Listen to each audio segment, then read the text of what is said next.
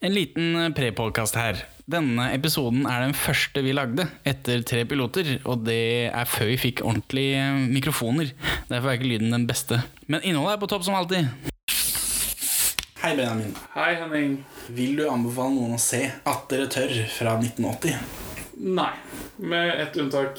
Eh, hvis man vil ha Lasse og Geir på nytt, bare at litt mer lavmælt, så ja.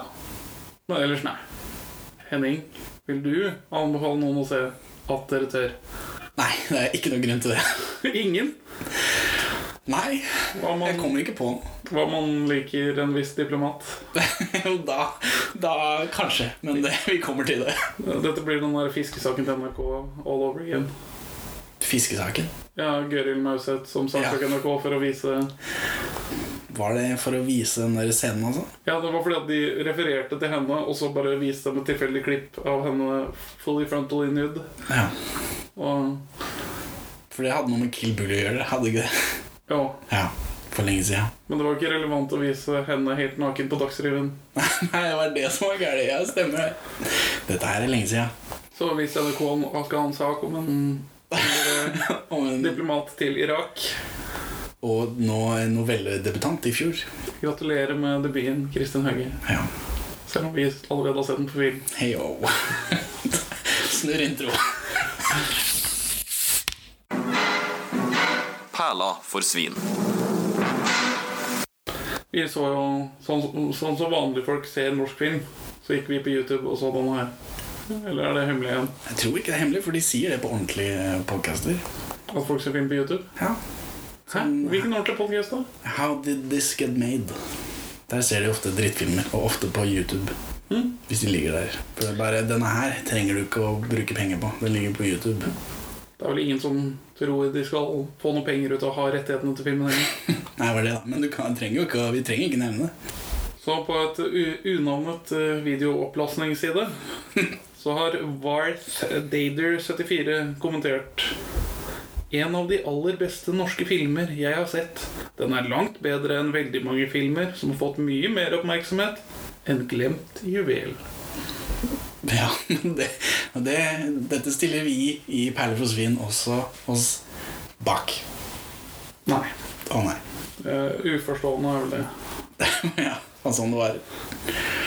Eh, Perler for svin, Benjamin. Her ser vi norske filmperler. Og så snakker vi om det etterpå. Ja. Ja. Målet er å se alle norske filmer på lang sikt.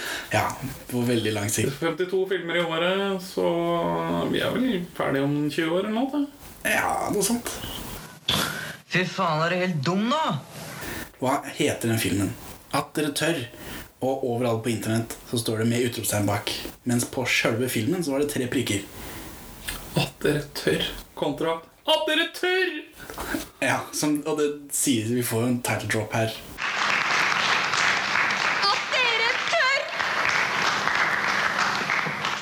Men f- på filmen så sto det 'At dere tør'. Prikk, prikk, prikk. Det matcher mer tonen til Anne Grete i slutten av filmen. Ja. Gjør det det? Altså utropstegnet eller prikkene? Prikkene.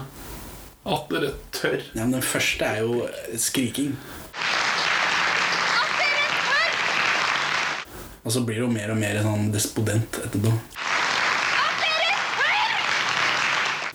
Jeg har notert meg fra Facebook at i den eldre generasjonen så betyr prikk, prikk, prikk noe annet enn den gjør for oss eh, unge, hippe folk. Ja vel. Ja, de bruker Hva da? prikk. Det er Hva som helst. Det er vel, det, du kan sette prikk, prikk, prikk når som helst. Det er ikke sånn pondus-punktsetting. At alt avsluttes med utropstegn. Hva er galt med det? Hva er galt med det? Nei, bare mm, Da blir det Da, da kommer vi opp i dette dilemmaet, da. Fy faen, er du helt dum nå? Ja. Men filmen begynner med en, en biljaktscene ut av en annen verden. Blått og rødt Ja. eller grønt i skogen.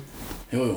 Men de kjører De Tre gutter har stjålet en bil. to gutter har stjålet bilen. Ja, men jeg satt ikke- Har ikke du sett denne Satt filmen? ikke en fyr i baksetet? Nei. Er det bare to gutter? Er det bare de to? Ja. Ja, Det er det hele filmen handler om. ja det er greit. Reinhardt og Kalle. Ein dride å kalle. Ja, eller Reinhardt Nilsen, spilt av Ein dride, Eidsvoll. ein dride Eidsvoll. Ja. Bror til Gard Eidsvoll, som, En av- som er en fyr som man har sett, men som aldri har gjort noe som du s- kjenner han fra. En av 27 er en drider i landet. Ja. Så gratulerer til dere. Endelig en, en Hilse. dride jeg kan identifisere meg med på TV. Ja, Hilser til dere, en drider i Norge.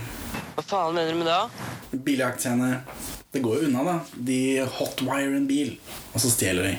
Og så kjører de av gårde. Ja, men er ikke bilen allerede i gang? Ser vi Nei, Hotwire? det første som skjer, er at de gnir to ledninger mot hverandre, og det er filmspråk for 'nå stjeler vi en bil'.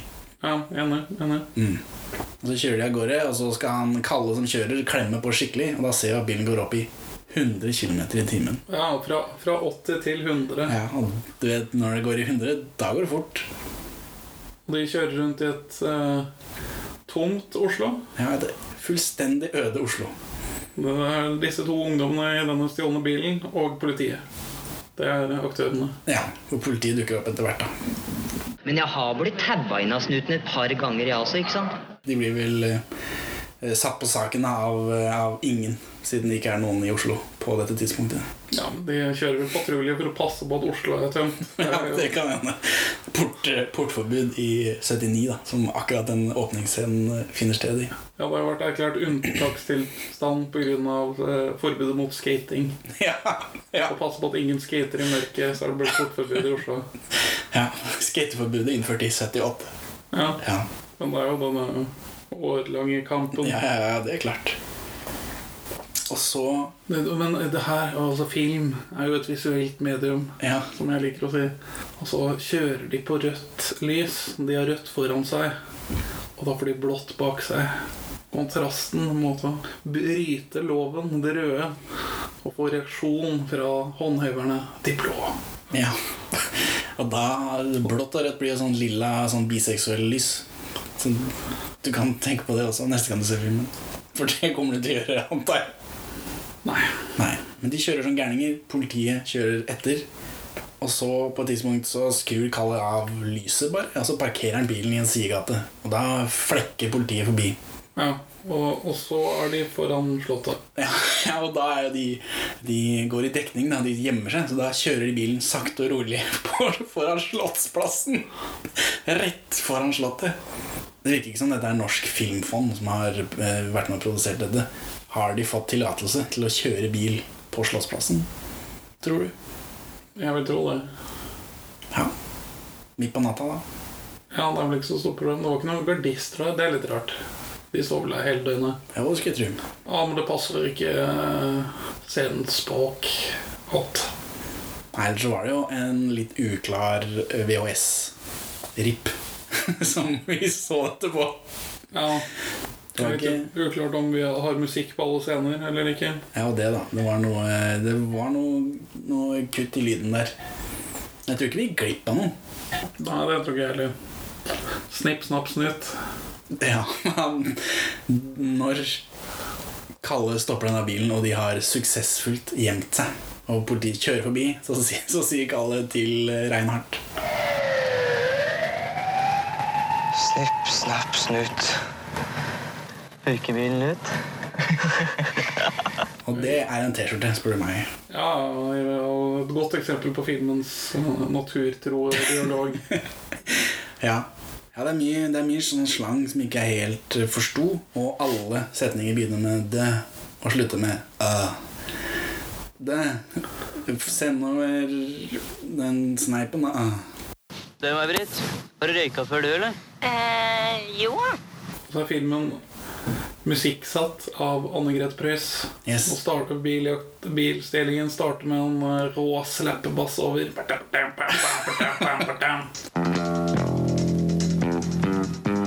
Ja, den musikken eh, Det som ikke var klippet bort, eh, var jo ikke, det var ikke det verste jeg har hørt. Det er en karakter også som heter Anne Grete i denne filmen. I tillegg til at Anne Grete Preus dukker opp med bandet sitt. Ja, spiller konsert på Kalvøya. Ja. Er det Veslefrikk heter vel det bandet? Jeg vet ikke om det eksisterer. den er jo Jeg så- følger så ikke lenge. Anne Grete i sosiale medier, så jeg vet ikke. Nei, ikke jeg heller, men eh, Jeg, ja, jeg lever da i verden. Filmen er jo basert på en bok. Har du, har du tittelen på den?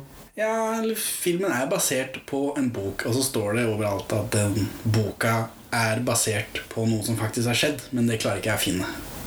Ikke jeg heller. Nei, alt. Det står liksom 'Dette skjedde i 1975'. Lover. Og så er alle Det virker som alle bare refererer til hverandre, alle disse linkene. Så hvem som har først har sagt det, det vet jeg ikke. Men det står vel sikkert i den boka, da. Som du får for 25 kroner brukt på, eh, på internett et sted. Notert historien om Reinhardt og Kalle. Ja, det heter den boka. Ja, ja, Men Kalle dør jo i anslaget. Ja, han dør med en gang, da. Stakkars. Blodig. En blodig død. For etter litt sånn Scooby-Doo frem og tilbake med bilen. Ja, mye krasjing. De kjører på en politimann på et tidspunkt. Ja, og de krasjer med en Svarte-Marie på vei gjennom en politisperring. Som gjør så heldig at vi får se to ganger. Altså når det først er action i en film. En actionscene som antakeligvis er eh, utformet av Tore Torell. ja. ja, når vi først sponser på oss å krasje to biler i en norsk film, så må du vise det fra i hvert fall to vinkler. Og, og i rulleteksten så står det at stunt av Tore Torell. Tryllekunstneren Tore Torell.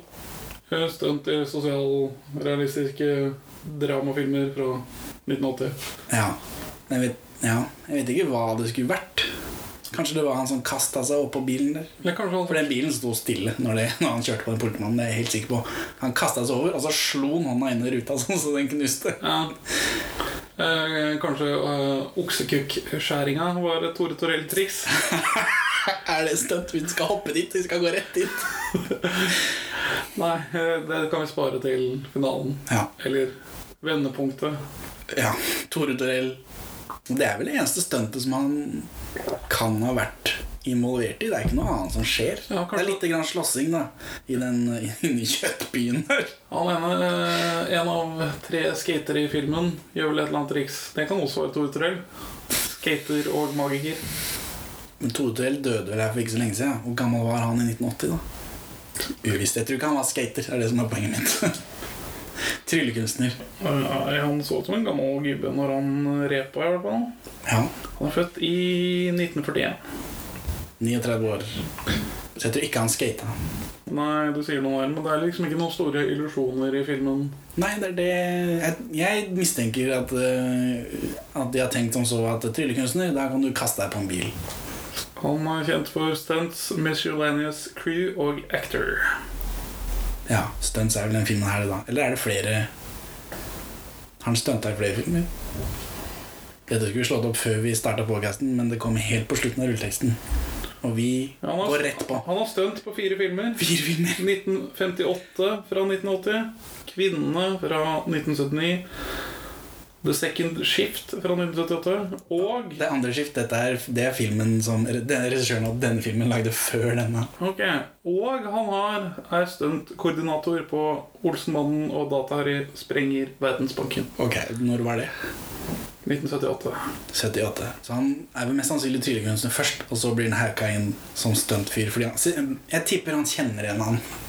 Siden han har jobba to ganger med, med Lasse Glom, regissøren av denne filmen. Ja, det går litt trått med, med tryllekunsten. magitriksa for tida. Har du noe, har du noe ledig arbeid, eller? ja. Har du en rolle eller noe sånt? nå? Nei, men du kan hive deg på den bilen her. Vi får ringe han og spørre. Han er død. Vi får Ouija-bordet han og Ja, det skulle jeg tro gikk an. Snipp, snapp, snut. Nei, De kjører på politiet, og så stopper de på et random jorde. eh, Ja, ja. Fordi bilen konker ut. Men det, altså, bilen konker ut f- før den konker ut, og så har den konka ut. Det, er, bare- Ja, det er- det, det, ikke tenk på det. Det hang ikke på grep. Ikke tenk på det. De kjører på et jorde, bråstopper, og så eh, er- er- har bilen stoppa. Og så Og der blir kommer politiet, og de gutta boys, Kalle og Reinhardt, Løp, for faen! løper for faen, ja. Slenger opp dørene, løper alt de kan i hver sin retning. Eh, politiet sender en bikkje på Reinhardt, vår helt. Filmens helt. Han ble godt muncha på den vaffelen.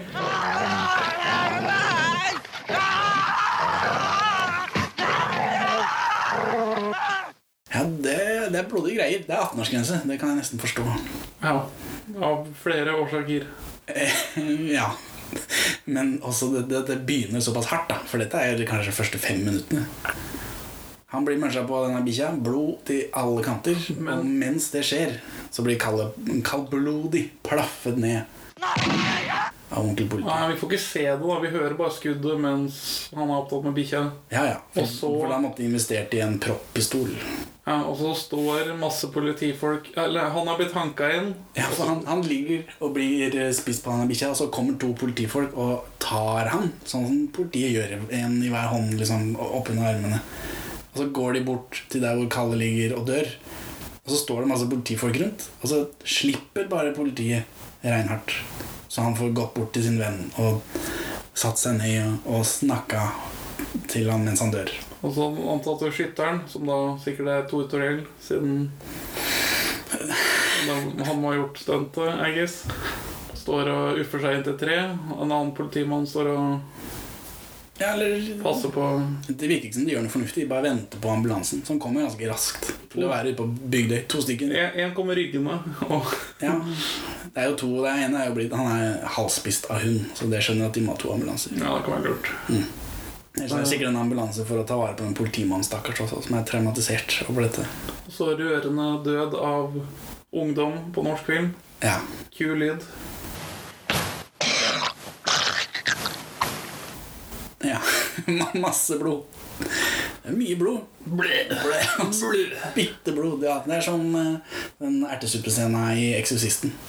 Anne, Grete, Ja. spill litt, spill litt Sleppeass for meg. Ja, og Han er da sånn småforelska i Anne Grete. da Som Vi har ikke sett disse ennå. Så det eneste, grunnen, eneste vi som har lest Wikipedia-artikkelen på forhånd, eneste vi forbinder med Anne Grete, er komponisten Anne Grete Preus, som har musikken. Ja, dette var litt merkelig når jeg først så- så det. Altså, Ja, tenkte jeg, ja, ja, Shout-out til Anne Grete, da.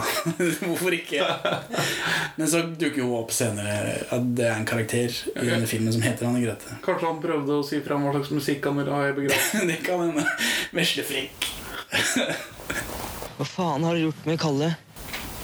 Sceneslutt. sceneslutt, og så kommer vi til en norsk begravelsesscene. Og vanlige begravelsesscener i ordentlig film, da er det, det regner alltid. Masse. Mens dette er på høylys dag ute på et jorde med en traktor i bakgrunnen. Tresker. En tresker. Beklager. Det går bra. Og da finner vi ut hvem Anne Grete er. Og Reinhardt har tolket Kalles name-dropping av Anne Grete sikkert Preus som at han Som at Kalle vil at Reinhardt skal kysse Anne Grete, karakteren i filmen, på kinnet. Ja. Ut av det blå i Kalles begravelse. Noe hun ikke reagerer så godt på. Nei, hun blir lei seg. Ja, hun er lei seg til å begynne med, da, for det er en begravelse. Og så eh, får hun dette kysset litt sånn ut av det blå, og da begynner hun å hyle, og så løper hun. Og det, det er greit. Det er innafor, kjenner jeg. Og så er det, det er det siste som skjer med Anne Grete sånn egentlig. Hun er alltid med, men det skjer ikke noe mer med henne. Hun gjør ingenting. Nei, han snakker vel med henne en gang til i løpet av filmen, men ikke noen stor utveksling. Nei, det skjer ikke noe mer, liksom. Og hun får eh, name-droppe tittelen da, på slutten der. At dere tør! Sp- Prikk, prikk, prikk. At dere tør! Utropstegn. At dere tør. Spørsmålstegn. Spansk utropstegn først. At dere tør, utropstegn. Ja. At dere tør. Dios mio! Dios bio, at dere tør. Og så er det hjem til mor. Mora di. Ja. Nei, det er det ikke. Spiller ikke hun mor i en annen film?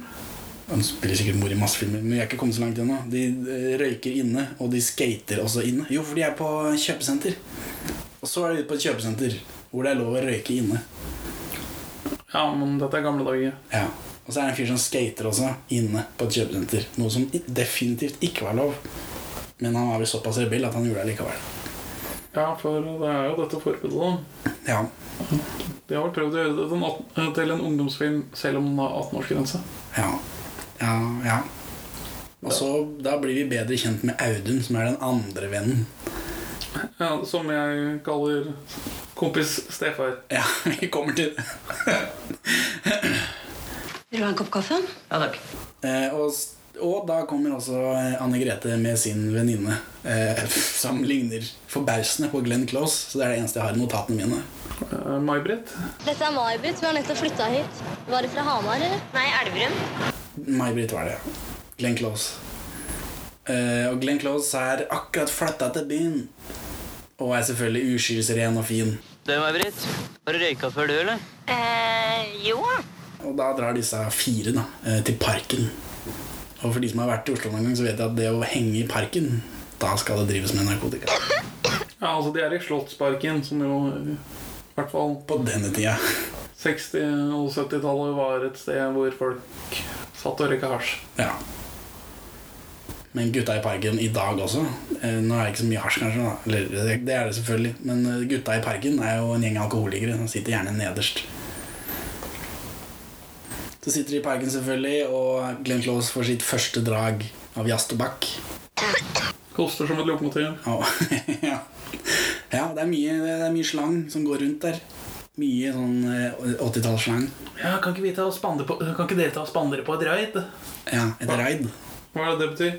Jeg veit ikke. Ja, nok en film for to togentusiaster. For når disse to karene og to cabene, eller hva slangen var på den tida, drar fra kjøpesenter til parken, så tar de T-banen, og da får vi et sånt shot. Overhead shot av T-banetoget. Mens de snakker som ungdommer gjør det. Så hvis du liker T-bane, kan du se den filmen der. Er vi, er vi blitt en sånn eh, tog, eh, togpodcast? Nei. Ikke? For nå, nå har vi tog i 50 av podkastene våre. Har du røyka før, eller, May-Britt? Ja, Det hadde hun Ja, ikke. ja, mange ganger. Ja, Hun lyver på seg, da, selvfølgelig.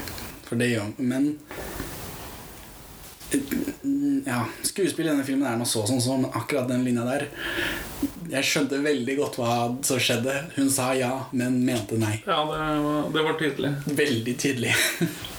Så det skal hun ha, da. Jeg ble iallfall ikke forvirra. Selv om ikke det lå så mye mellom linjene heller. Nei. Så bare prøve flere ganger. Ja, Det ble- gikk jo bedre og bedre. På tredje draget så tror jeg hun var ekspert. Ja. Ja, hva var det du sa kompis stefar heter? Audun. Audun. Gi faen av Reinert. Før eller seinere får han seg en på kjeften allikevel. De sitter der og chiller'n i parken. Ja, akkurat sånn sitter de. De sitter og chiller. eller? Chiller'n inne, bro! Ja, det er ikke noe face av disse. Ok. Nei, eh, May-Britt er fra Elverum. Ja. Men så kommer det en eh, Svarte-Marie, altså politiets kassebil på tiden, kjørende langs stien i parken. Volvo. Volvo kassebil.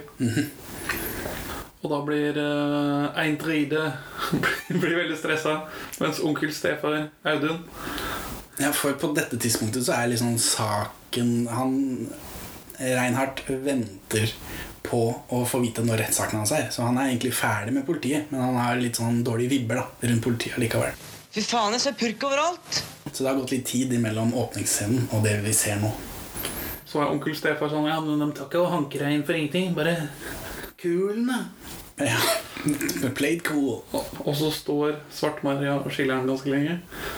Og så bare rusher han de ut på gresset. Og eh, de fleste av dem flytter seg. Mens de som ikke flytter seg, blir påkjørt. ja. For sånn var politiet på 80-tallet. Sånn er det sikkert nå også. Ja, ja. Kul lyd av arrest. Faen! Helvetes jævler! Er dere helt gærne, eller? Kjører jo litt på dama mi, jo! Ut av parken. Faen er det vi har gjort for noe gærent, da? Hæ? Der kjenner vi trynet på. Ja da, jeg kjenner dere også. Jeg veit hva faen dere skal åsne på det jævla døykeskjøret! Ikke faen! Nei! Nei! Faen! Jævla Nei! Faen! Jævla Faen!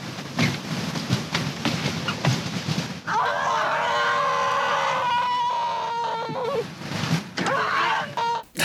ja, for du har notert det. Ja. Ja, Og Audun blir arrestert. Nei. Jo, eller han blir tatt, da. Ja, han blir tatt, og så blir han Det er mye kjørt. slåssing Ja. ja, med politiet, og så blir han tatt. Han, han blir tatt, for han, han blir ikke kasta på glattcelle. Han blir sånn som politiet gjorde med junkier i gode gamle dager. Og man kjørte dem dypt opp i Maridalen. Og tok skoa hennes, tydeligvis. Så de måtte gå hjem til byen igjen. Ja. For da slutter det sikkert med knerk. Om Ja. man ikke har sko og er sliten i beina. Ja, ja, blir iallfall motivert da, til å slutte. Det er sant. Jeg tror det var det som var tanken bak det. Litt eh, motivasjon. Ja, og så kommer han tilbake til sin junkiebule hvor gjengen henger. Ja, Uten sko og sokker. Så kommer dama hans opp til han og sier «Hva- Hva har skjedd med skoene dine? Hvor har du vært? Og da svarer han med en Frank Zappa-referanse. I had my first taste of big city life, sier han. Og det stakk seg veldig ut, så det måtte vi google. Ja, det, det, det hang liksom ikke på greip. Hvorfor er det å miste skoa En smak av storbylivet. ja, ja, Han sier òg at han har røyka de. Ja, det sier han etterpå, som å forklare referansen, men det hjalp oss ikke, ikke noe. Så det er noe Frank Zappa sier i den sangen. The evil dope pusher is cutting up a white gym sock formerly owned by Carl Zappa. Jeg antar dette er faren til Frank Zappa. And still damp. The shredded sock will be placed inside of a high school diploma and ignited with a sulfur preparation. His first taste of big city life. Oh yeah. Dette var fra låta Dummy up. Ja. Fra 70 noe. Fire. 74. Jeg vet ikke, var Frank Zappa såpass godt kjent i junkie ungdomsmiljøet på 80-tallet at du kunne dra den referansen og folk forsto det? Jeg har inntrykk av at mange norske gamliser liker Frank Zappa. Og de, de som er gamliser i dag, var fortidens sparkjunkier. Ja, det er sant. Men det er, ja, nei, det er, det er vanskelig for meg å se for meg hvordan den kollektive bevisstheten eksisterte før internett. Ja. på en måte. Var, det, var, gikk alt, var alt kronikkbasert når man ikke kunne tweete? Antageligvis. Vi får spørre besteforeldra våre om det her mens de ennå lever. Ja. Men enn så lenge tilbake til filmen. At dere tør! At dere tør! Eh, han får lest opp dommen. Men nå har vi hoppa over den scenen hvor de sitter inne, og du tror han er sviger. Ja, nei, for den, den, er, den skal vi komme til nå. ja. Og Det var den jeg trodde vi skulle begynne å prate om. Ja, ja, vi kan ta den, da. Samme faen, det er ingen som kommer til å se den filmen her likevel. Så Eindride er sur. Reinhardt. Karakteren Reinhardt Einhard Eindride. trakk en feil på å få en drite. For jeg, jeg vet jo ikke hvordan man uttaler navnet Eindride. Du, Eindride driver et sånt elektrisk skip. En kjent bok av den som, det som ble filmen Blade Runner. Ja. Philip K. Dick. Ja. Ein dride? Er det noen andre måter å uttale det på? da? Det, det må være et sørlendingnavn. Eindride. Men han er jo ikke sørlending, han broren hans. Som jeg har Eller, sett i andre ting. eller Eindride i filmen. Han har ikke For noe så vidt. skjult skarr. Det kan hende han er skuespiller, da, så han har gjort om dialekta si til storby-Oslo-slang. Ja, men han er en norsk skuespiller, så det hadde jo blitt merka om han var fra noe annet sted. Ja. Syns nå jeg. ja. ja, eller Men Jeg tror ikke han er fra Sørlandet. Og Mammaen til Reinhardt er oppgitt over sønnen sin, som ikke vil skaffe seg jobb, siden han uansett kommer til å bli dømt til fengsel. Ja, for han driver jo bare bank. Ja, og så ja, Henger med junkies og sånn. Driver og junker. og så egentlig. er det noe sosial realisme-greie med at Ja, men du liker jo ikke den der drittjobben din, Ja. og du har så vondt i ryggen og sånt, og Ja, hvor er det å jobbe hen? Kjøttbyen! Ku lyder av kjøtt. Hvor er Kjøttbyen hen? Hva er Kjøttbyen? For du reagerte på det som om du visste hva det var for noe, mens jeg som ikke bor i Oslo, har ikke peiling. Ja, en gang jeg var i Oslo øst et eller annet sted, så måtte jeg holdt jeg på å drite på meg når jeg støtta vinduet. For da var det et inngjerda industriområde med en svær port, og over den porten så var det et stort skilt hvor det bare sto 'Kjøttbyen'. Som jeg syns er veldig morsomt. Ja, det er jo et navn som en bedrift kanskje ikke ville valgt i dag. Nei. Hvis på bedriftsområdet sitt. Men det er vel sikkert et sånt samarbeid mellom flere typer kjøttbedrifter, da, sånn for å strømlinjeforme prosessen. Kan hende. Men- Ja, men tilbake til den scenen hvor de sitter hjemme da, før vi går helt på Kjøttbyen, for der også er det mye å ta. Syns du ser sliten ut, jeg. Du har ikke jobba? Ikke begynn, du også. Men så kommer kompis stefar på besøk. Ja, mens de sitter og krangler. Og han får kaffe av mor. Vil du ha en kopp kaffe? Ja takk. Han hjelper mor fyre opp stigen sin. Ja, før han fyrer sin egen, for de røyker inne, selvfølgelig. Ja, og dette, er da, dette er da kompis stefar av han som ble tatt av snuten og sendt opp i Maridalen. Ja, Audun. Audun. Men i denne scenen så oppfører han seg som han er stefaren hans. Og liksom prøver å lede sin kompis inn på den smale sti. Ja, for Audun er en medium kul fyr, for han driver også og junker, da. Men Eller hasj eller noe. syns man burde prøve å skaffe seg en jobb i dette kalde Ja, for det blir jo veld samfunnet. blir veldig mye lettere å kjøpe øl hvis du har lønn. Ja, det er sant. Og hasj. Ja, og det, da. Ja, Vi får vite prisene på øl, men vi vet ikke hva en bønne koster i datidens Oslo. Nei, det er sant. Prisen for øl var 29 Nei, 28,90 29,80. for fire sånn liter. Ja, For fire? Tre? Fire. ja, det ja, det var fire. Fire litere, ja. Så det er, ikke, det er ikke dyrt å bli drita. Nei, men på den annen side så tjener de 34 kroner dagen. Så Ja, når de får jobb på Kjøttbyen. ja, i en sånn Nav-utsettings... Ja, Ja, og- og var, Program. ja, var det A-etat? noe sånn Nav På et sånt Nav-kurs på Kjøttbyen der. Ja, for man kan sette seg på liste for å få opplæring, og så da betaler staten for at du får opplæring. 34 kroner om dagen. Og så får de de 34 kronene i lønn. Så de reagerer på det, da. At de ikke får At han eh, Kjøttkongen, som han sikkert heter, han Kjøttborger- Kjøttordføreren. kjøttordføreren i Kjøttbyen, at han eh, har det der gratis, på en måte. Ja, for, for Reinhardt drar først på arbeidsformidlingen, og så metooer han um, Siri. Ja, han treffer Siri i døra der sånn. Ja, Du trenger ikke å ta så hardt i den døra her. Ja, for de drar i hver sin ende av den døra, og så, Har du fått deg jobb ennå? og så snakker de sammen som om de kjenner hverandre, men jeg tror de bare er hyggelige. Ja. Fordi det var en litt sånn klein situasjon der sånn. Skal du ta og stikke meg forbi, da? Ja. Og så er de hyggelige igjen. Det var litt sånn metoo-ish i Jeg vet ikke, starten. han sto foran døra, men med en gang hun ba om å flytte seg, så gjorde han jo det. Ja. Jeg tror, ja. Så Det, hun, hun får seg jobb. hun får seg jobb med en gang, for hun er et normalt menneske som ikke røyker hasj. Nei, han har ikke sånn mega-afro. Ja, det, det er mye hår i den filmen. Jeg har ikke sett så mye hår jeg siden Døden på Oslo S. Eyo. Ja, nå tenkte jeg på hodet til Håvard Bakke, men eh, den andre også. Jeg sa til Reinert at det er ledige plasser på opplæringskurs nede på jobben hos oss. Dere skulle ikke prøve det, begge to? da? Tja, kanskje vi kunne jo prøve. Koster ikke noe, det. Har du mista gangsynet fullstendig nå?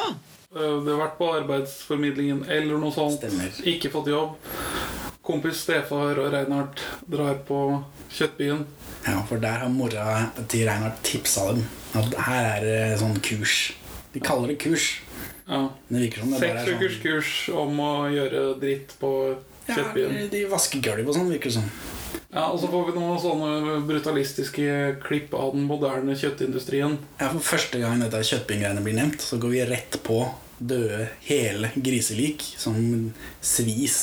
Ja, Og industrielt vaskes og ja, eller de griller vel håret av dem, tror jeg, til å begynne med. Og så, og så er det liksom Det er mye håndtering av, av døde dyr som er uvanlig å se. Ja, altså, jeg, jeg setter pris på at man får vite hvor kjøttet kommer fra og sånt, men Ja, det er jo veldig ubehagelig. Det gjør noe med deg, på en måte. ja, men det kom Der vi, satt, litt der, vi ut av satt det blå. med, der vi satt med hver vår grill- grillpølse. Mm. Jeg var ikke forberedt, nei. Det er helt riktig. Og de bruker jo også den kjøttbyen hver gang noen skal ligge med hverandre. Så kutter de rett i kjøttbyen. De to første gangene noen har sex i filmen, så går det rett fra klinings til klipp til Kjøttbyen med romantisk musikk over.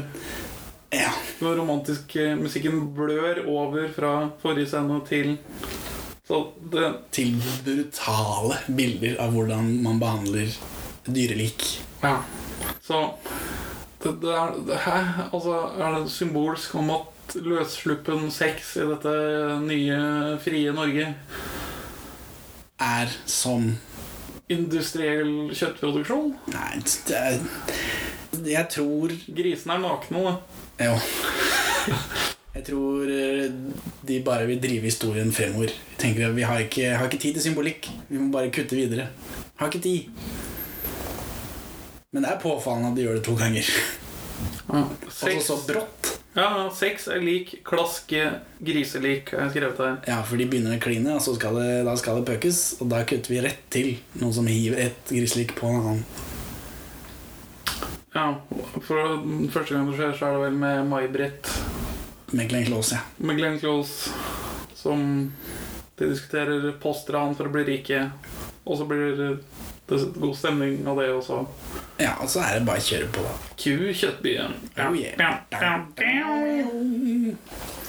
Og så kommer den merkeligste sekvensen i hele filmen. Etter at de har skrevet seg på lista, så går de og ser på behandlingen av storfe. Ja. Og så eh, Kompis stefar snakker om Audun. Se på, se på den der, ja. Den var svær. Ja, eller f- før så langt. De går ut i hallen her sånn, og så går vi rett på nærbildet av oksepenis. Ja. Og så kommer han til å se på den, så svær den var. Dæven! Dyrt han karen der? Faen, den er jo nesten halvmeteren, ja. Og så kommer det en annen fyr, som jeg mistenker er kameraten til faren til Pelle i Pelleproffen, men jeg har ikke klart å bekrefte det. Som tilbyr seg å, å gi disse gutta den ja. Spør om de vil ha den uten å vente på svar, så går han, og så får vi et langt nærbilde av å skjære oksepenis av okselik. Fint eksemplar, dette her. Vil dere ha kuken, eller? Og så pakker han den inn som om de har vært på kjøtthandelen, og så Og så drar de i butikken for å kjøpe øl. ja, har onkel, onkel stefar, kompis stefar, har ti kroner. Ein dride har 20 kroner. Ja, og det holder jo til fire. Ja. 29,80. Og så kjøper de øl, og så går de til kassa.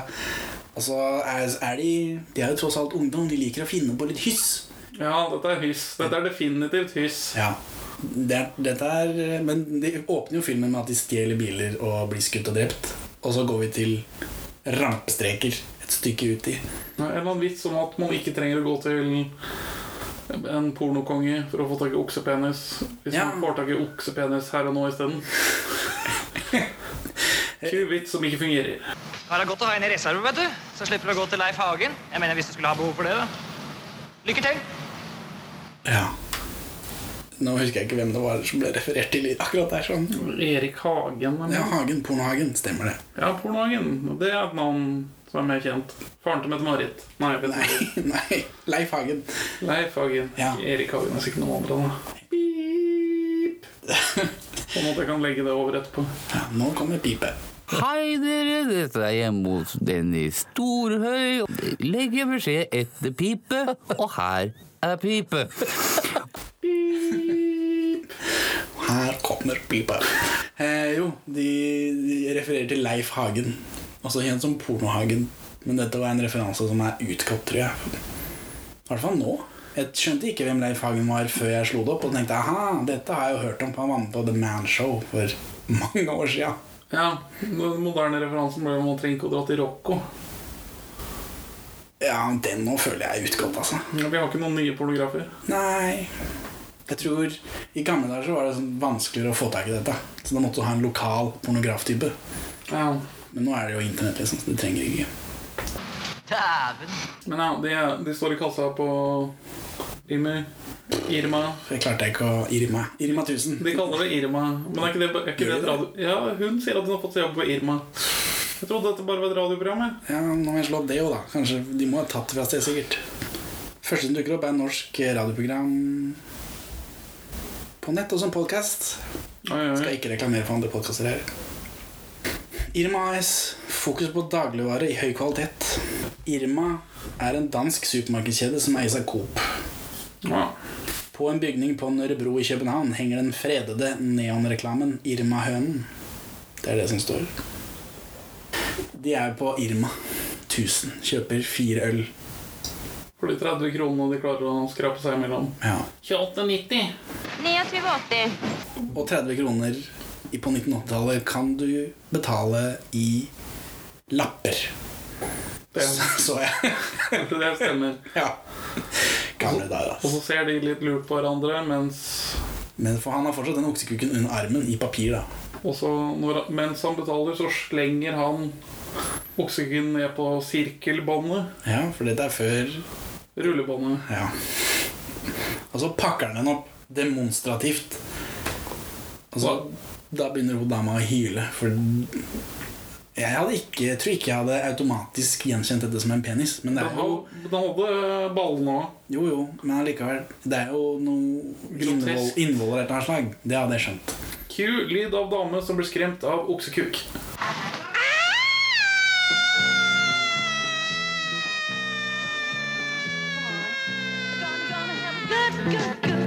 Ja, og da tar de både peng, tar de pengene sine. De Tar iallfall ølen, og så løper de. Ja.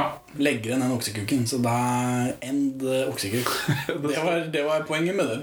Så drar de til parken igjen, noen sitter og røyker bønner. De drar på konsert. De har avtalt å dra på hotshot. Hva er hotshot? Et eh, junkie-utested. Tydeligvis. Du kan, jo, du kan jo prøve å google det og se hva som kommer opp på hotshot. Det er, liksom, det er helt umulig å finne en 70-tallsreferanse. Men det, det er mye sånn Charlie Sheen, da. Hotshots. Ja, det tror jeg på. For May-Britt, som Ligner på Glenn Close. Glenn Close fra Elverum Hun er ikke kjæreste med uh, Reinhardt. La oss nøste opp i dette. De ligger sammen. Begge mener at ikke de er kjærester, men senere på et tidspunkt så slår Reinhardt opp med Glenn Close. Men i mellomtida, før han slår opp, så driver hun og ligger med bønna en annen fyr. Du, May-Britt, jeg har noe opplegg på gang. jeg. Tipp og ramme, så stikker han til meg. Heroin, som det alle dere til har drevet med tyngre saker enn Ja. Og, og han, Reinhardt, har drevet og klina med Siri, som vi traff på Arbeidstilsynet, eller hvor det var. den Arbeidsformidlingen. Er hun jenta di, eller? Ja. ja. Nei, vi har vært sammen noen ganger, for sammen er hooke her, tror jeg. ja, hooke. For Å vi være er så sammen veldig med noen moderne. for Det, er- det refererer til en enkelt hendelse, å være sammen med noen. Ja, vi var sammen da. Ja. Betyr vi var og gjorde Kjøttbyen. ja. Har du lyst til å bli med til Kjøttbyen sammen med meg? Det er vel sånn man spør noen. man. Ja, spør på hverandre. Men ja, for det skjer nå når de er på konsert. Da virker det sånn, for da er liksom hun Glenn Close er liksom litt på Reinhardt. Samtidig som hun kommer Hun kommer med bønna gående derfra. Så de har tydeligvis også drevet med noe. Det er litt sånn, Jeg tipper det er litt sånn fri kjærlighetsopplegg. Men så skjønner jeg ikke helt hvorfor Reinhardt føler han må slå opp med Glenn Close etterpå. Nei. Når det liksom allerede har deklarert. Hadde Nei. For noen driver og sier at det er Reinhardt sitt ansvar at Glenn Close driver og havner på kjøret. At han må ta tak i det på et eller annet vis. Ja. Det sier de, uten at eh, jeg skjønner at det stemmer. Reinert, jeg syns du skal si til May-Britt at det kjøret sammen med Benna ikke er noe ålreit.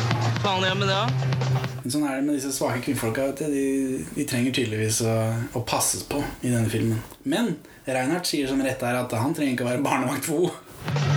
Faen heller, da. Selv om jeg har vært sammen med et par ganger, så er det vel ikke meningen at jeg skal være barnepike for deg, eller hva? Bonefitte. ja, det ble også sagt, men jeg husker ikke konteksten. Ja, det er noen han slår opp med. Å ja. ja, ja, Jeg ja. burde ikke drive og henge sånn med han bønna. Han driver med sånne harde saker. Du trenger du bry deg om bla, bla, bla, bla, bla. Eh, Stikk, da! Bondefitte! ja. Ja, det er sant. Det blir sånn dårlig stemning der. Du, de der folka du og Bønne er sammen med, de pusher stort, altså. Det er ikke bra for deg. Jeg klarer å passe på meg sjæl om du ikke er klar over det. Det tror jeg faen ikke. Sånne folk som deg klarer ikke å passe på seg sjæl. Ok, vet du hva? Enten så går vi sammen herfra nå, eller så er det slutt mellom oss. Har det vært noe mellom oss? da? Vært nå? Ha det. Kyss deg ræva! Bondefitte! Men på denne konserten så er det selvfølgelig Ane Grete Preus som spiller veslefrikk.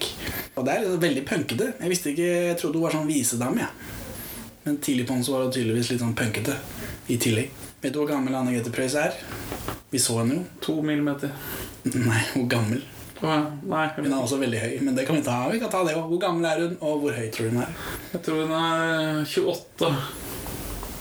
Hun er 23. Fuck. Og 1,90 høy. 1,88. Like høy som meg. Ja, Yay. 4 centimeter lavere enn eh, enn Leif Juster. Eh, Jo, ja, jeg vet det. Jeg visste det. De, eh, han Reinhard avtaler med Siri at de skal henge en gang. Og så et klipp til at May-Britt er junkie. Plutselig er det bare et nærbilde av May-Britt som er junkie. Ja, for, for så ikke Så ikke det liksom lå under linjene. Og så går det an å se på en fyr på en T-banestasjon spille fiolin. Ja, Dette er etter at de har slått opp. For da er hun veldig lei seg. For du tror at hun skal ta livet av seg. Ja. På det- på- For hun er på sitt laveste punkt. ja. Blitt slått opp med en fyr som hun strengt tatt ikke var sammen med. Har det vært noe mellom oss? da? Vært noe? Blitt kalt bomfitte. Bondefitte? Og så skal hun hjem. A- Antar jeg. Så kommer T-banen kjørende, og da føles det veldig sånn junkier i norsk film. De tar vel livet av seg. Fra himmel til helvete er det ikke noen som hopper fra tvinn til dag. Ikke peiling. Jeg tror det. Så det var veldig skuffende. Og så brytes tradisjonen til filmen om at hvis man klipper til, sek- til Kjøttbyen, så er det fordi noen har sex. Nå klipper det da fra noen tar T-banen.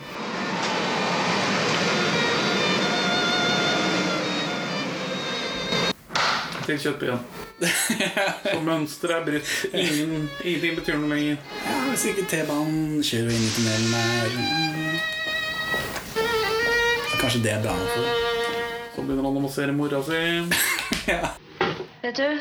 Jeg har vondt i ryggen, jeg. Er du snill å massere meg litt? Eh, Her. I nakken.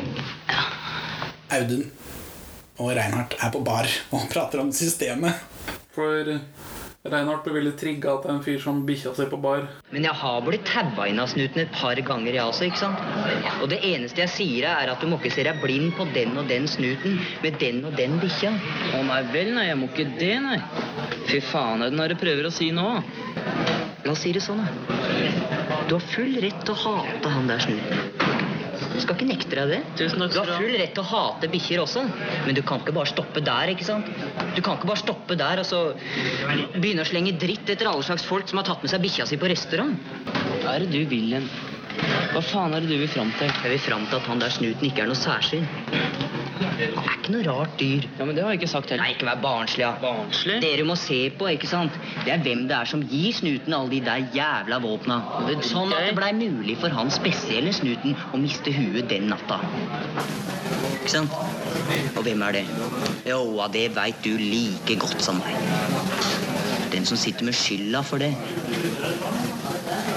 Det er ikke noen forvirra og skremt snut som hater biltjuver. Ha, nei da. Nei vel, nei. Da må du høyere opp, da. Opp til dem som bestemmer, ikke sant?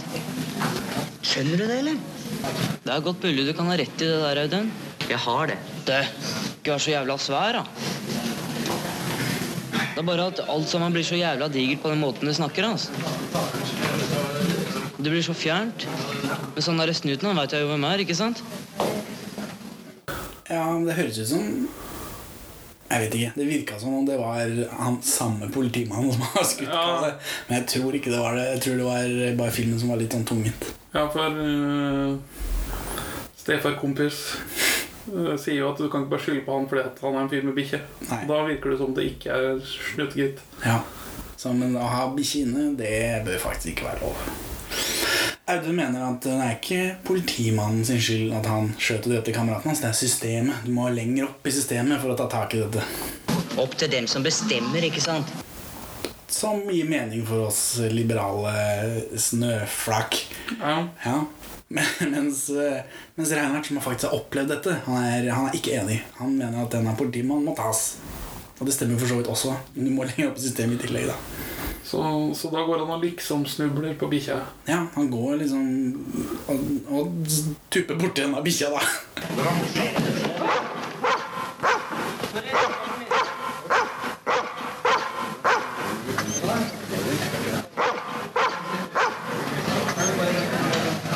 Jeg er jævlig lei for det. Og det er ikke så ofte vi får se på film. Nei. Nei, ja, det er mye skjending av dyr i filmen. Det er det. Men denne bikkja lever da, i det minste. Så det er jo noe. Trekke inn drøvelen. Ja, det sier Audun på et tidspunkt. Trekk inn drøvelen. Nei, stopp da, Reinert. Nå trekker du inn drøvelen her. Jeg mener det. Fordi Reinhardt Audun mener at det er ikke politimannen sin skyld at han skjøt og drepte kameraten hans. Det er systemet. Du må lenger opp i systemet for å ta tak i dette.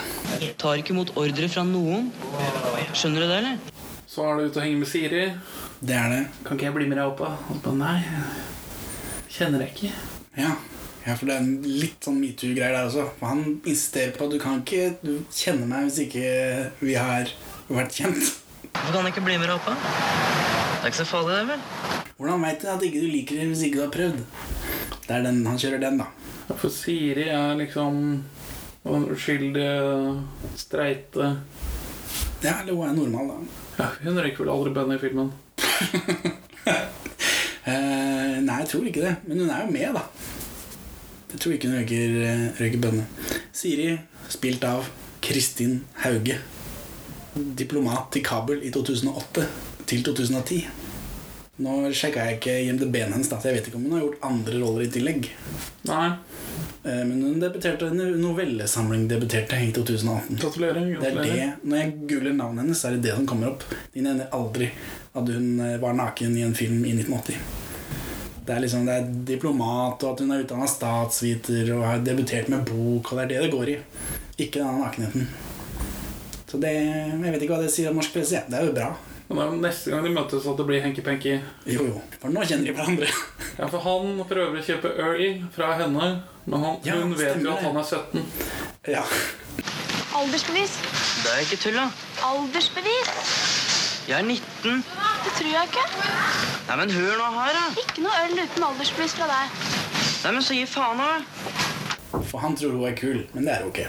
Nei, for hun. Hun er veldig glad og fornøyd da når hun liksom nekter henne å kjøpe øl. Og så snakker de om noe ute som vi ikke får høre, fordi kamera og mikrofon fortsatt er inne i butikken. ja.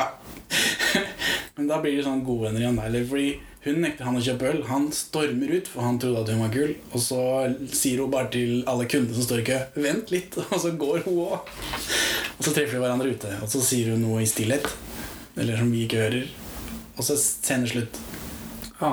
Ja. Og så tar hun kontakt med han igjen. Og så fikk hun bare så veldig lyst på han når hun solgte grønnsaker i dag.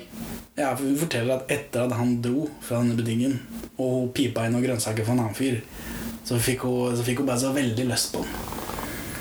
Og da er det- da er det en, da er det nakenhet.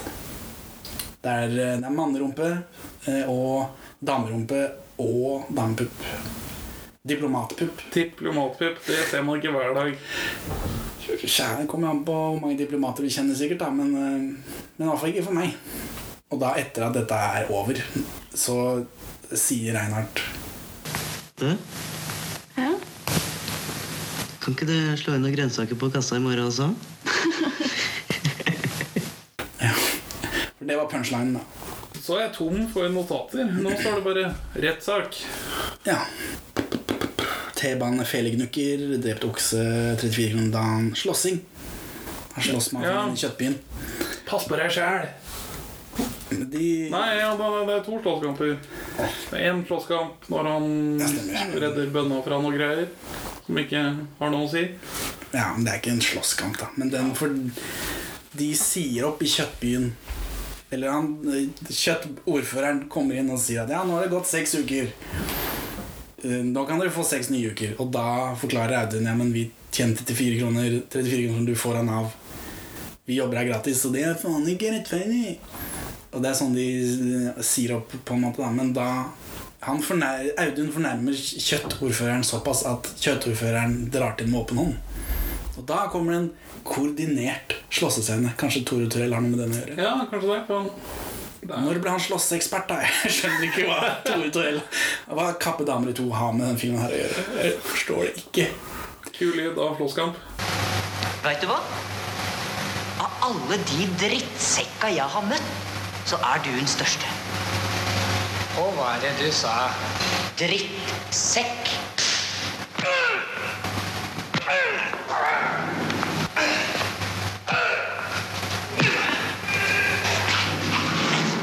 Kom igjen, stykker. Men det er, i hvert fall, det er mye veiving. Det klippes ganske hardt. For de har ikke klippet så veldig. Det er mye lange scener. Men akkurat her så skal det klippes. Og når kjøttordføreren blir slått ned, så tar han tak i beina til et av griselikene som henger fra taket. Og så blir han hengende der litt for lenge, og så detter han. Ja. Kom, nå stikker vi! Men før det så detter han også inn i kadaveret og mister lua si inni kadaveret. Oi. Og så stikker de selvfølgelig. Og så blir jo mora til Reinhardt kalt inn på teppet fordi Reinhardt så på at kameraten hans slo ned kjøttordføreren. Og så på kompis stefar slå hånda i. Ja, det da. Det er greit at mora hans jobber på samme sted, liksom, men hvis jeg gjør noe gærent på jobben, så er det ikke mora mi som får kjeft. Ja, men det hadde vært annerledes om hun jobba i Hadde det? Ja, Hvis det er hun som har på, ditt, på hennes ord at du har fått denne jobben. Men det var, var det på hennes ord, da? For det virka ikke som han kjøttordføreren var så veldig gira. Ja, Men han var ikke gira før han sa at ja, 'mora mi jobber her også'. Ja, kanskje. Men allikevel. Så hun har et sånt visst utvidet ansvar. Men det var jo ikke hun som gikk inn og sa 'Kan ikke sønnen min få jobb?' Det var jo han som sa 'Mora mi jobber her'. Ja, men Det har sikkert vært noe behind the scenes her. Kan hende. Ja, og så er det rettssak. For vi har hatt Og tidlig på så kommer den rettssaken til Reinhardt, hvor han blir dømt til 90 dager. Ting og fengsel Ja. med to års prøvetid. Ja. Og så nå, på slutten, om det kan kalles klimaks Hele tida så har de snakka om hvor mye får han politimannen i fengselsstraff. Han som skjøt Kalle. Carl Magnar Moen. I denne filmen, som er basert på en bok Som muligens er basert på en en sann historie. om Carl Magnar og Reinhardt. Carl Magnar og Reinhardt, ja. Først så er det noen politimenn som forklarer seg om våpenbruk i politiet. Han som svarer mest på det, han er ærlig på at politiet bryter instruksen sin hele tida og ikke innhenter tillatelse som de skal. Ja, han syns det er helt greit. Ja, Vi må jo beskytte oss sjøl. Ja, Vi har ikke tid til å innhente, innhente tillatelse. Vi har ikke tid til å ta ladegrep, Benjamin. Nei, nei, nei. Vi må ha kule i kammet. Det høres veldig kjent ut. Ja, det, vi har hørt politiet slippe unna. Politiet, norsk politi har lov til å drepe. Ikke at meg Oslo-politiet opp. Ja, det dreper, dreper de så mye folk, da. Norsk politi. De skyter, det er mye vådeskudd. De skyter hverandre. Ja, og så kveler de en del folk. De har ikke lov til å gjøre halsgrep lenger, men hvis du ved et uhell gjør halsgrep, så slipper du unna. Ja, det var lenge siden nå, er det ikke det? Ja, det var i 1990 de kvelte en fyr, og så kvelte de en på 2000-tallet òg. Men da slapp de òg unna. For i nødverge. Ja, men Den ene var vel litt mørkere enn andre også. Ja. Ja. I Amerika så er det jo svarte som får gjennomgå på denne skytinga, mens de virkelig undertrykte i Norge er hasjrøykende ungdom ja. som stjeler biler. Og så um, vitner eh, Reinhardt om at de ikke var truende mot politiet. Men s- kjør- kjørte dere ikke akkurat over halen jo. rett før? Ja.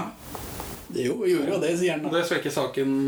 Hans vitneutsagn bitte litt. Ja, på den annen side så var det jo ikke bevæpnet, og han ble skutt i ryggen, da. Ja, det er litt uffent. Ja, De driver og prøver å avdekke om det er ment som varselskudd eller ikke. Men de sier at retningen ikke tyder på det. Men vi kan ikke fastslå at det ikke var ment som et varselskudd. Et perforerende Ja, varselskudd. du kan jo liksom, det er jo litt av en advarsel, det, da. For en kul, kul i ryggen. Kul lyd av eh, Kalle som spytter blod.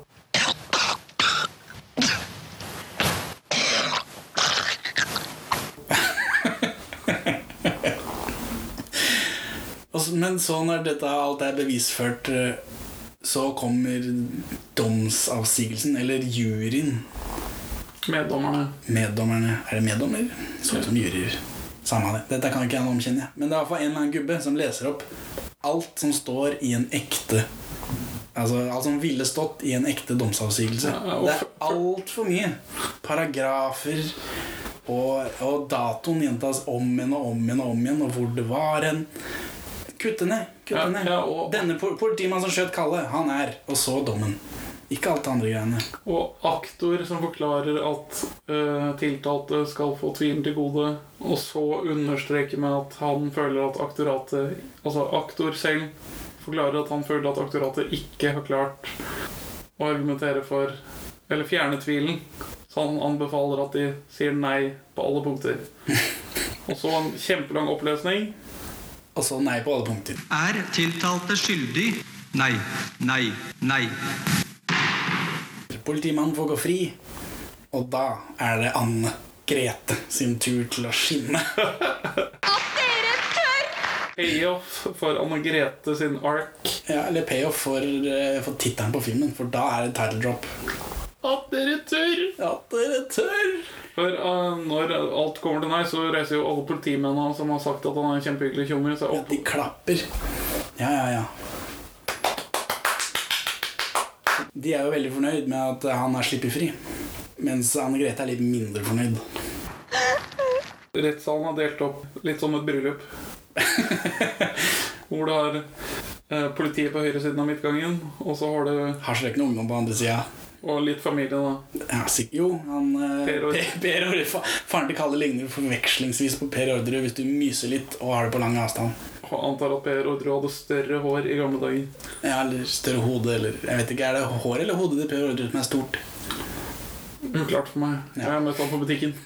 oi, oi, oi. Du overlevde. Så vidt. Ja, fordi Nei, han er jo faktisk dømt, så jeg trenger ikke å si allegedly. Nei, nei, han er eh, Ja, han er dømt for å ha noe med det å gjøre. Pass deg, han kjenner folk, vet du. På både Patri-side og Matri-side. Ja. Ett tu, Per. Så siden det er sånn bryllupsdelt, så etter å ha klappa til slutt et- Ja, for hun sier tittelen tre ganger. Ja. Med litt forskjellig pa- patos. Sikkert for å få med både prikk, prikk, prikk og utropstegn og spørsmålstegn. At dere tør? og, så da, og så blir snuten sånn kleint stille til slutt. Og så setter politiet seg ned, mens familie og eller, Ungdommene, Hasjrøkende ungdom går i Jeg tror ikke Per Ordre er med der sånn. Nei, Og så får vi eh, nærbilder av skuffede tenåringfjes. Ja, som har mistet troen på systemet mens Anne Grete Preus spiller i bakgrunnen. Som går ned trappa der sånn. Nærbilde, slow motion. Fengslet. Tore Torell stunt. Tore Torell stunt. Jeg er glad jeg ikke, at jeg ikke visste det på forhånd, for da tror jeg det eneste jeg hadde sett etter, var Tore Torell. Vi får vel se alle Tore Torell stunt-filmene nå. ja, så du vil se den første filmen her også. Nå har du sagt det. Jeg antar at den ikke er noe bedre. Hvem vet? Det var ikke, det var ikke vondt. Men Warth Dader tar feil. Det er ikke en av de beste norske filmene som er laget. Nei. Eh, nei, det er det ikke. Og den har ikke fått ufortjent litt oppmerksomhet. Det er bare en Nei, det er jo fortjent, på en måte. Du trenger jo ikke den filmen her. Oi, norsk ungdomsfilm. Greit nok at norsk politi alltid slipper unna å drepe folk, Ja, men Det er litt gøy, da, for det kan jeg ikke si vi ser så ofte. Nei. Og Sånn som i Pølsemakerfilmen, der er noen politifolk. Der gjør jo de jobben sin. Til slutt. Så det, det er litt interessant, men det er ikke gjort på noe bra vis. Nei, det er sånn- som litt ungdoms på skråplanet-film. Litt kritikk av rettssystemet, men uten å gå ordentlig inn på det. Ja, Men det er gøy å høre at de har de samme argumentene ennå. Det syns jeg var morsomt. Ja. Litt sånn, nei, Vi må jo beskytte oss, og vi har ikke tid til å innhente tillatelse. Jeg kan vanskelig se på dette som noe annet enn et rent uhell. At jeg fikk et sånn tragisk slutt, er noe vi alle bare kan beklage. Remake. Remake at de tør. At de tør. Og så er det en politimann som har vådeskutt en politikvinne inne i garderoben. Og så, og så er det det som at me. ja, han skyter i speilet. Eller disse livvaktene til Ingrid Alexandra som driver, skyter rundt omkring på skolen. og Sånn. På skolen hennes. Ikke bra. Så her, den offisielle standpunktet til Perle for svin er ikke bevæpning av politiet. Er det det vi sier? Ja. Er det det som er poenget med denne podkasten? Ingen bevæpna politifolk i våre gater. Ingen bevæpna politifolk i våre gater. Jobbe litt med slagordet, kanskje. Men, eh, men det er iallfall eh, beskjeden. Vi må beskytte oss. Det blir ofte ikke tid til å innhente noen tillatelse. Så, Benjamin, hvis du skulle remake av dette som en amerikansk film, hva er det du skulle gjort da? Kalle og Reinhardt blir vel svarte in inner city kids, da. Ja. Men det fins vel allerede veldig mange amerikanske takes på den filmen, her, gjør det ikke det? Jo, altså Det er jo bare syv historier du kan fortelle. er det ikke noe sånt? Jo. Ja, Du har ikke hørt det? Jo, jeg har hørt det. Ja. Så det at vi forteller samme historien om igjen og om igjen, det har ikke noe å si. Hvordan vil du remake denne på engelsk? På amerikansk? American? In Hollywood? Jeg skal si deg hvordan jeg ville gjort det, siden ikke du spør meg tilbake. Hvordan vil du, remake av denne filmen, Henning? Da hadde jeg tatt den første eh, politijaktscena, hvor de kjører. Og så hadde jeg bare gjort det til Fast and Furious 10. Hele greia er det greiene der. De kjører rundt, krasjer i ting, kjører over folk. Uh, Vin Diesel er med, selvfølgelig. Eh, The Rock eh, Kanskje The Rock er på politisida litt igjen. Sånt noe. Så Bare i det. Ikke noe annet. Det er det eneste viktige. Så må de skru av lyset og kjøre inn foran Det hvite hus, da. ja, vi kjører på plenen foran Pennsylvania Avenue. Det er sånn Ja. Ferrari, selvfølgelig, ikke Volvo. Nå var vel det Citroën det de stjal, da, men politiet har jo Volvo. Så sånn ville jeg gjort det. Ja, jeg har liksom ikke noe mer å komme med. Nei, ikke jeg heller. Så eh, vi sier ikke bevæpne til politiet. Du trenger ikke se at dere tør. Prikk, prikk, prikk. Eller utropstegn. Jeg var Benjamin. Og jeg var Henning. Takk for i dag. Takk for i dag. Takk skal du faen meg ha. Trekk inn drømmeren! Takk for at dere hørte på Perler for svin. Du finner oss på perleforsvin.no. Du kan maile oss på perleforsvinpod at gmail. Vi er på Facebook og Twitter under perleforsvinpod. Vi tar imot ønsker, tilbakemeldinger, spørsmål i alle kanaler. Gi oss gjerne toppkarakter i din lokale podkastavspiller, og legg igjen en anmeldelse så folk eh, skjønner hva for noe tull vi egentlig driver med her. Her er dagens eh, Pål Bang-Hansen-sitat ute av kontekst. Det var The Village People, og det er jo ikke helt sikkert at alle liker dem heller. Snipp, snapp, snut.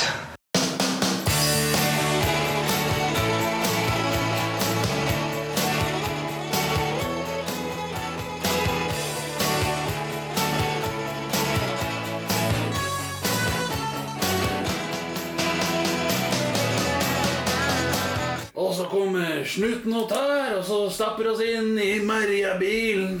Kjører opp i Maridalen, banker oss opp og tar skoa våre. Så må vi gå hjem ned til byen og så få oss nye sko. Jeg vil kunne avslut- avslutta med det. Trekk inn drømmeren, da. Ferdig.